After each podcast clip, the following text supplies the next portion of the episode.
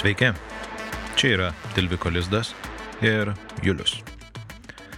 Šiandien mes turime tokią įdomią temą, kuri atsirado visiškai netikėtai. Jie atsirado dėka to, kad yra toks um, rėmėjas Patronas Gediminas ir jisai atsiuntė man klausimą. Ir ilgai aš į tą klausimą neatsakinėjau, nes pagalvojau, kad klausimas yra tiek puikus, kad iš jo galima padaryti epizodą.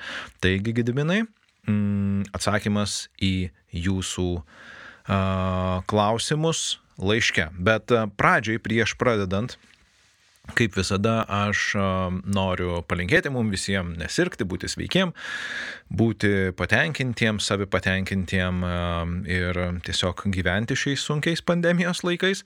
Ir aišku, padėkoti Patreonam ir rėmėjam. Ačiū, jūs esat nuostabus, jūsų, darot, jūsų darbas, kurį jūs padarot remdami podcastą yra puikus. Ačiū jums labai. Ir judam dabar prie laiško. Laiškas skamba taip. Sveiki, Juliau. Noriu padėkoti Jums už podkastus, kuriuose pakankamai giliai ir iš skirtingų kampų atskleidžiate įdomias ir aktualias temas. Esu perklausęs beveik visus Jūsų įrašus. Šiandien perklausiu podkastą Viskas, ko tau reikia, yra meilė ir nusprendžiau parašyti, kol mintis dar šviežios. Iš tikrųjų, toks paprastas teiginys, manau, gerokai tiksliau paaiškino žmonių santykius ir poelgius, nei tiesiog siekis re realizuoti dauginimosi instinktą. Mane labiausiai užkabino teiginys, kad meilės iš artimųjų žmonių trūkumas ir po to paskatintas jos siekimas veda prie neurozės. Iš tikrųjų, dauguma, juk daugumas žmonių sugebėjimai mylėti ir priimti meilę yra labai riboti. Taip gaunasi, kad dauguma žmonių lyg tampa pasmerkti arba gyventi su neurozėmis, arba naudoti atsitraukimo gynybos. Psichoterapija siūlo trečią išeitį - išmokti pačiam duoti savo tai, ko negavai ar negauni iš kitų. Kiek jūsų manimų tai yra realu pasiekti žmogui, kiek realiai mes galime tikėtis gauti meilės romantinėme santykėje, kiek tai gali užpildyti tuštumą atsineštą iš vaikystės, kiek tai sveika tikėtis, kiek yra sveika tikėtis meilės iš kitų, ar bandymas gal, būti savipakankamam e, ir tas kelias, kelias neveda bent jau prie laikinos neurozės. Būtų įdomu sužinoti jūsų kompetitingą nuomonę, Gediminas. Um, taigi, dar kartą, Gediminai, ačiū už tokį puikų laišką, pilną tokių labai labai gerų klausimų, kurių iš tikrųjų, um, na, aš pasilgstu kartais. Ir uh, sudėliokim, sudėliokim tuos klausimus visus iš eilės, taigi pabandysiu atsakyti, kiek čia įmanoma, kiek ta mano kompetencija leis, į mm, tą meilę savo trūkumą ir, ir, ir, ir um, apie tai, ką mes galime gauti iš psichoterapijos ir uh, koks čia tas kelias yra. Ir duoti savo tai, ko negavai ar negauni iš kitų, um, šitas kontekstas turėtų būti kalbant apie tai, mes, ko mes negavome iš savo vaikystės, tai yra meilės, kurios mums trūko. Ir jeigu aš teisingai atsimenu, šitas podkastas yra skirtas tik tai, tik tai Patreonam, tik tai rėmėjam ir, ir jeigu jūs nesate Patreonai, tai uh, trumpai aš pas, pasakysiu idėją tokią, kad mm, labai daug mūsų elgesių, mūsų siekimo būti kažkuo, realizuoti kažkaip save ir um, santykių apskritai, kuriuos mes įsitraukiame, yra vedini to, kad mums iš tikrųjų, ko uh, reikėjo visą laiką ir ko mums tebe reikia, tai yra meilės, kurios mes negavome būdami vaikais, tokios, kokios mums reikia iš savo tėvų. Pagrindinė idėja yra tokia. Ir tada visa kita, ką mes darome gyvenime ir kaip jaučiamės, yra tos meilės trūkumo pasiekmė. Ir kaip čia dabar iš to išeiti, na, tarsi eiti į psichoterapiją ir per savo sveikas dalis kažkaip tai e, duoti tom um, dalim, kurios jaučia tą trūkumą, tą dėmesį, rūpestį ir meilę mm, psichoterapijoje ir savo terapijoje. Ir Pirmas klausimas yra, kiek e, mano manimu tai yra realu pasiekti žmogui. Ir aišku, atsakymas kaip visada - tai priklauso. Nes priklauso tai nuo paties žmogaus, nuo to, kokias pastangas jis įdeda, nuo to, kokioje aplinkoje jisai gyvena, nuo to, kokia yra jo ta istorija, kokia yra traumos, koksai gylis. Ir kiekvienas mes esame atskiri žmonės su atskirom savo istorijom, su atskirom patirtim. Galų gale mes turime netgi tam tikrą genetiką ir epigenetiką, kuri įsijungia arba išsijungia priklausomai, žodžiu, tie mūsų, mūsų tam tikri paveldimumai, jie įsijungia arba išsijungia priklausomai nuo to, kokioje aplinkoje mes esame ir augame. Ir dėl to o, pasakyti, kiek yra realu konkrečiam žmogui, yra galbūt sudėtinga ir ar apskritai tai yra pasiekiama. E, faktas toksai turbūt, kad kuo mes esame mažiau sužaloti, tuo lengviau to yra pasiekti. Kuo sužaloti esame daugiau, tuo sunkiau to pasiekti. O žmonės, kurie yra sužaloti labai stipriai arba turi, na, šiuo atveju psichinę negalę, greičiausiai, kad to nepasieks niekada. Deja, bet taip yra. Gyvenimas nėra teisingas, kaip mes jau esame nekartą kalbėję. Ir Žinome, žinoma, kad mes turime tam tikrų savų sveikų dalių. Kiekvieni, visi mes jų turime, netgi, netgi ir labai sužaloti žmonės turi kažkokias tai sveikas dalis, bet jų yra labai nedaug ir jos yra labai silpnos.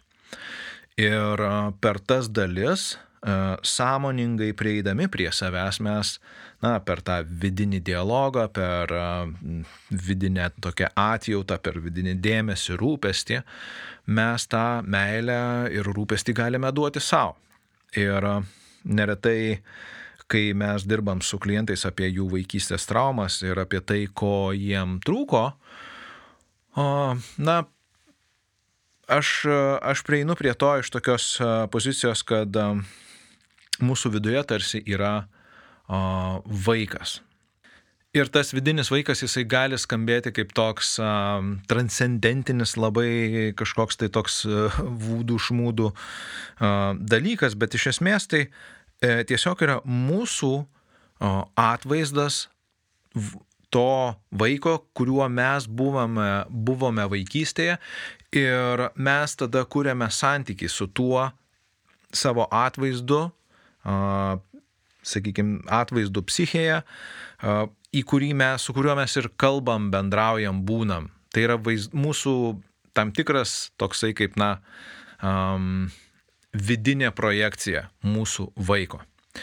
Ir uh, tam, kad mes galėtume, na, tarsi reflektuoti, kas ten vyksta su, su, su tuo mūsų, pavadinkim taip, vidiniu vaiku, su savimi, mes galėtume empatizuoti jam. Mums reikia tarsi atsitraukti nuo jo ir būti tuo suaugusiu, brandžiu žmogumi, kad, na, tarsi būtume tėvai jam. Ir Tai iš esmės ir yra toksai sąmoningas e, rūpestis savimi ir sąmoninga meilė savo. Ir tada neretai žmonės, kurie šiaip turi tokį, na, tarsi pasipriešinimą terapijai ir tarsi jiems sako, nu, aš čia jau pakalbėjau apie tai, kaip čia mane um, kažkaip manęs nemylėjo tėvai tie, ar, ar kaip jie mane skriaudė, žalojo uh, psichologiškai ir fiziškai ir seksualiai.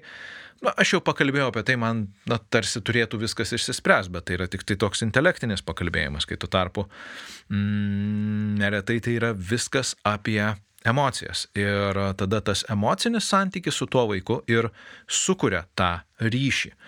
Kai mes taip pusiau sąmoningai juo ar sąmoningai rūpinamės savo mintyse, mes galvojam, ar kai, ko jisai nori, ar jisai norėtų valgyti, ar jisai norėtų miegoti, e, kaip mes jam pasaulį parodom. Bet čia turbūt atskira tema. Aš čia truputėlį išsiplėčiau. Ir iš esmės mažais gabalėliais duodami uh, tą rūpestį ir meilę savo tam vidui, savo tam vidiniam vaikui, mes po truputėlį tą auginam tarsi tą žmogų ir tokiu būdu um, augam. Tokiu būdu tos, uh, tos besąlygiškos meilės mes gaunam per save. Ir uh, Pereinam tada prie kito klausimo, kiek realiai mes galime tikėtis uh, gauti tos meilės iš romantinio santykio. Tai šitoje vietoje man atrodo, kad labai svarbu suprasti, jog uh, mes esam vieninteliai žmonės, kurie esam atsakingi už tai, ką mes duodam savo ir, ir ką mes gaunam gyvenime. Ir tada jeigu savo psichologinę brandą ar, ar tą, sakykime, tą dėmesį ir rūpestį savimi mes perduodam kažkokiam kitam žmogui į rankas, tikėdamiesi, kad jisai mums tai galės duoti, tai realiai atsakomybę irgi perduodam jiem. Nes galbūt jie kažką mums galės duoti ir um, greičiausiai, kad tai, ką jie duos mums, mums netiks. Nes iš esmės mums reikia visiškai kitokio dalyko. Supraskim taip, kad romantiniai santykiai, jie yra pagrysti tam tikrais tarpusavio mainais. Žmonės ne, nemyli mūsų besąlygiškai, jeigu mes esame romantinėme santykyje su jais. Ir tas besąlygiškas mylėjimas, netgi jeigu žmogus ir sako, kad jis myli besąlygiškai, tai tokiu atveju mes, na, galime pradėti daryti dalykus, kurie netinka tam žmogui ir pažiūrėsim, kiek besąlygiškai tai yra. Ir jeigu tas žmogus, na, ne, nesvarbu tai, ką mes darome tame santykėje, jis vis viena mus myli ir rodo dėmesį, tai dažniausiai irgi yra ne dėl to, kad jie mus myli besąlygiškai ir priima ir bando nubrėžti ribas, o dėl to, kad jie bijo nubrėžti ribas. Ir tai vėlgi, tai yra, sakykime, tai prastas auklėjimas, jeigu mes kalbam apie dėmesį ir rūpestį vaikui, kuris negavęs besąlygiškos meilės. Taigi, mm, tikėdamėsi iš kitų mes tarsi tikimės, kad jie išspręs mūsų problemas. Ir aišku, romantiniuose santykiuose dar yra vienas labai svarbus dalykas, kad neretai žmonės atėję į tuos santykius, jie, jeigu tikisi tos kažkokios, tikisi, kad ta romantinė meilė išspręs jų m, tos besąlygiškos meilės vaikystėje negautą trūkumą, negautą trūkumą netinkamai, kad tas santykis išspręs, išspręs tai, ko vaikystėje jie negavo, tai tipiškai jie tada abu tie partneriai yra tokiame santykėje, kur bando tarsi gauti iš kito tai, ko jie negavo. Ir tada jie abu tampa tarsi atsakingi ne už tą dviejų brandžių žmonių santyki, bet už tų dviejų vaikų, kurie ten jų viduje yra ir operuoja tuos santykių, jį valdo, o, ryšį. Ir, ir dažniausiai ten poros ir, ir, ir paklysta, kada žmonės tikisi iš savo partnerio daugiau negu kad jisai gali duoti, arba tikisi kitų dalykų negu kad jisai duoda ir tie dalykai dažnai netgi nebūna įvardyjami labai aiškiai. Tai vad geriau, kad poroje mes neieškotume o, savo negautos vaikystės meilės pakaitalo, o ateitume į, į, į poros santykius jau suprasdami, kad mes ten jo ir negausime. Ir netgi ir nereikėtų jo ten ieškoti arba gauti. Ir kalbant apie meilę, aš noriu paklausti, brangieji. Ar jūs galėtumėt parodyti man truputėlį meilės ir um, paremti podcastą? Aš būsiu labai dėkingas, jeigu tai įvyks, o tai padaryti jūs galite per tilvikas.lt įstrižas brūkšnys, lizdas ir paspaudę ant nuorodos prisidėti ir paremti. Ir aš būsiu labai jums už tai dėkingas, bus nuostabu. Dar kartą muzikytės pasiklausom. Ir tada po reklamos šitos, kuri buvo, mes eisim judėti toliau. Eisim judėti, labai geras. Beje, nieko. Reklama. Gerai, važiuojam toliau. Mm, kaip tai gali uh, užpildyti tuštumą atsineštą iš vaikystės? Uh, jeigu mes kalbam apie, apie romantinius santykius, tai um, romantiški, romantiniai santykiai neužpildys tos tuštumos niekaip. Jie gali galbūt sukurti iliuziją, kad jie kažką užpildo, bet realiai mes um, mūsų traumų išsigydyti šiaip tiesiog būdami ir ieškodami um, pakaitalo tam, ko mes neturėjom tada, kada mums to reikėjo, negalėsim to išspręsti. Ir tos mūsų vaikystės žaizdos, traumos, sielvartas, tas trūkumas, um, mes apie tai galim galvoti kaip apie namą, kuris yra pastatytas su tokiais labai nevykusiais pamatais, silpnais ir gal net ir be pamatų. Ir kad ir ką mes bedarytume, kad ir kaip ramstytume sienas ten, ar ten, nežinau, kažkokius tai bandytume įtvirtinimus daryti, bet e, tol, kol mes nesutvarkysim tų pamatų, e, kol ne, iš esmės nepakeisim to pamato, tai tol tas namas bus vėlgi toks visas griūvantis, byrantis, e, judantis ir skeldžiančiam sienom. Ir aišku, kalbant apie tokį palyginimą, reiktų suprasti, kad jeigu mes turėtume greta namą, kuris yra pastatytas ant normalių, sveikų pamatų, tai toks namas, aišku, bus viskas su juo bus tvarkoj.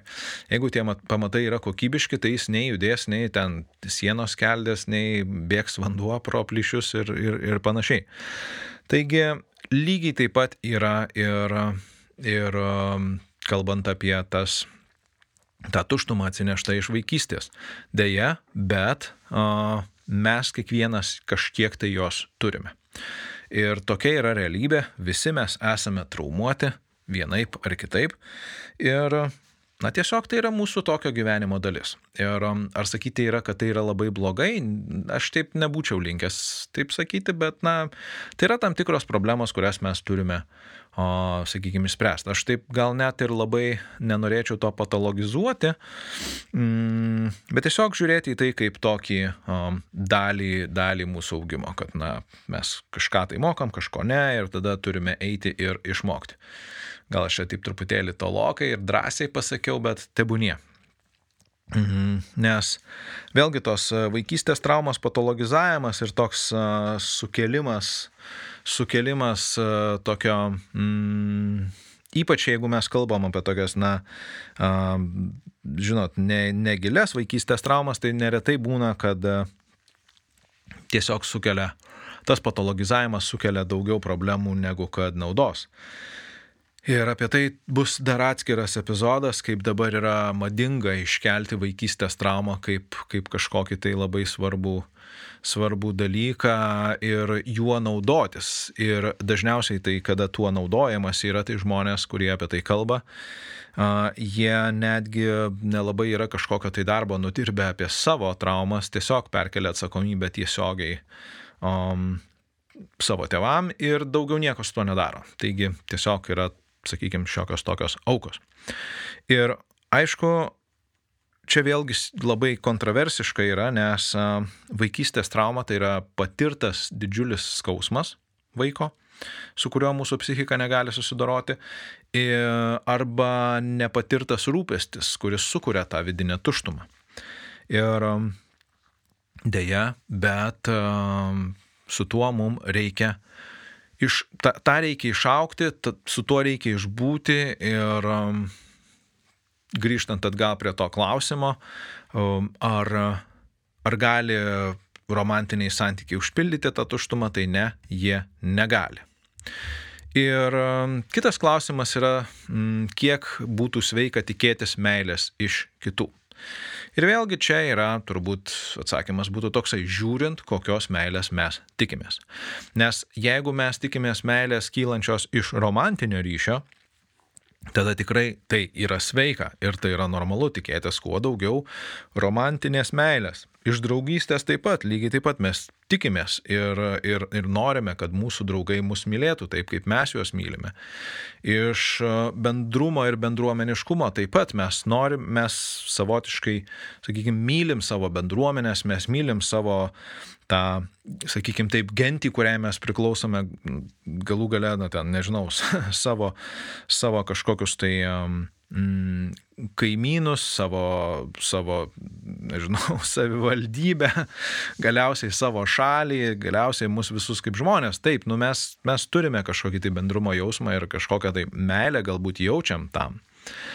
Bet um, iš esmės, mm, iš esmės visa tai, tai yra tik tai, tik tai tam tikros meilės rūšis, bet mes nekalbam apie apie meilę, kurią mes turėtume gauti besąlygišką meilę o, būdami vaikais, e, iš tėvų ar iš globėjų.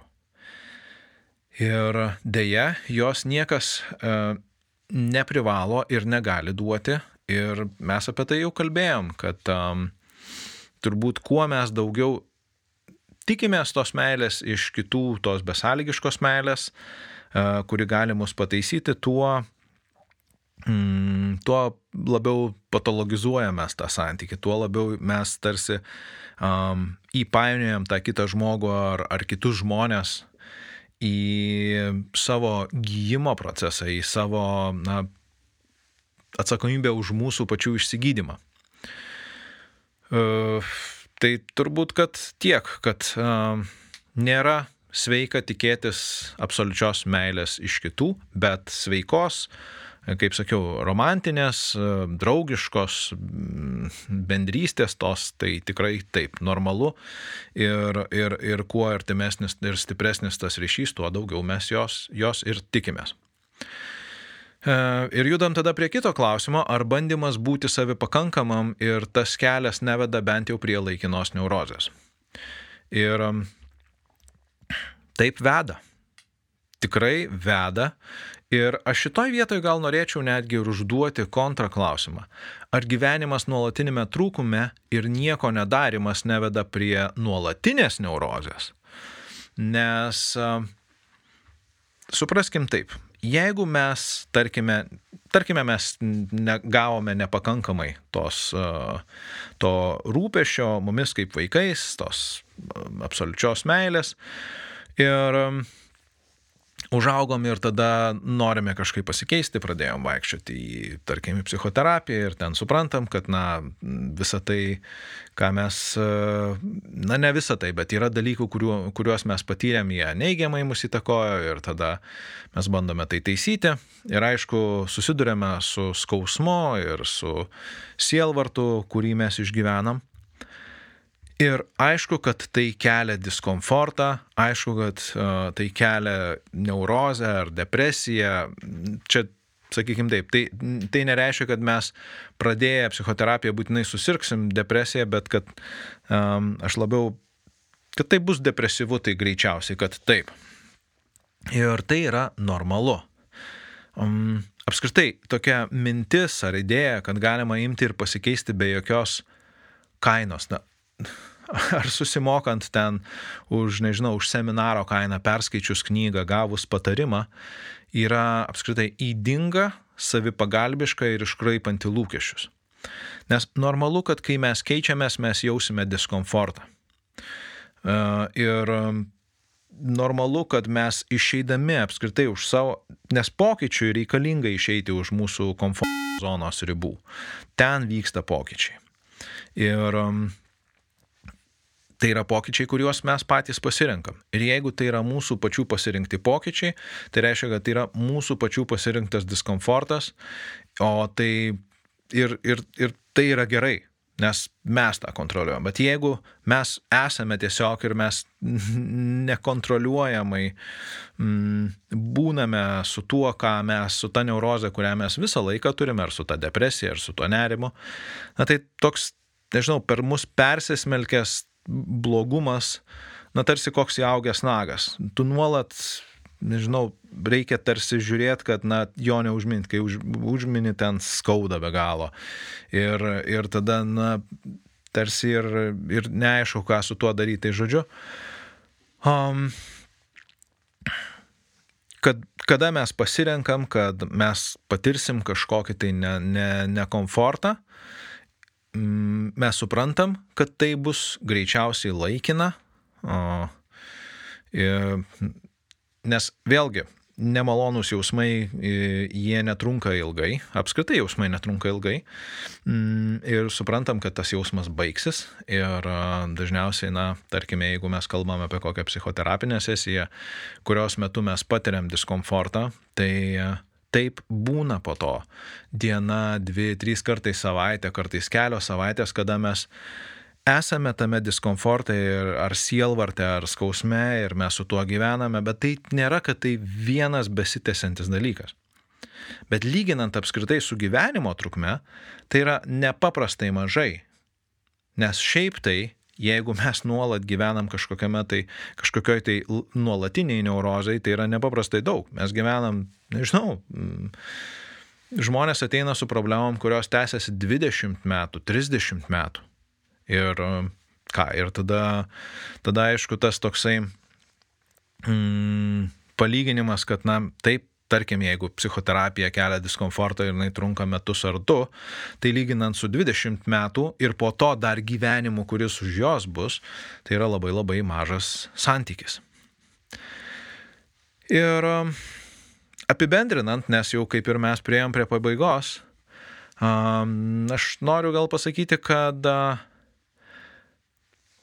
tiesiog jau turbūt labai labai aišku. Mes negalime pakeisti uh, tos meilės, negalime jos gauti, negalime nusipirkti, kurios mum trūko, kai mes buvome vaikais, kurios mes negavome iš savo tėvų ar globėjų, iš tų žmonių, kurie mus, mumis rūpinosi.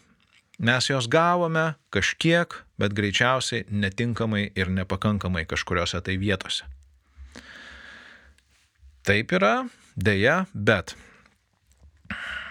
nepaisant to, mes jos galime gauti per savo sveikas dalis, e, kurias pasiekiame sąmoningai ir dažniausiai tai įgalina mus padaryti psichoterapiją arba saviterapiją. Ir um, tokiu būdu mes ir atstatom tai, ko mums trūko. Aišku, tai neina, neina, žodžiu, tai kainuoja. Aš turiu omeny, kad kainuoja o, emociškai, nes tai yra siel, išsielvartavimas to trūkumo, e, išgėdėjimas, kad na, mes negavome kažko, ne, nebuvo kažko, ko, ko mes turėjome gauti. Ir po to mes gyvename išsigydę. Ir ką, turbūt šitoj vietoj būtų laikas sustoti, nes manau, kad tie klausimai yra atsakyti. Ir jeigu jų daugiau kyla, tai aš būsiu labai dėkingas juos išgirsti. O dabar aš su jumis atsisveikinu. Čia buvo Julius ir Tilviko Lizdas ir iki kitų susitikimų.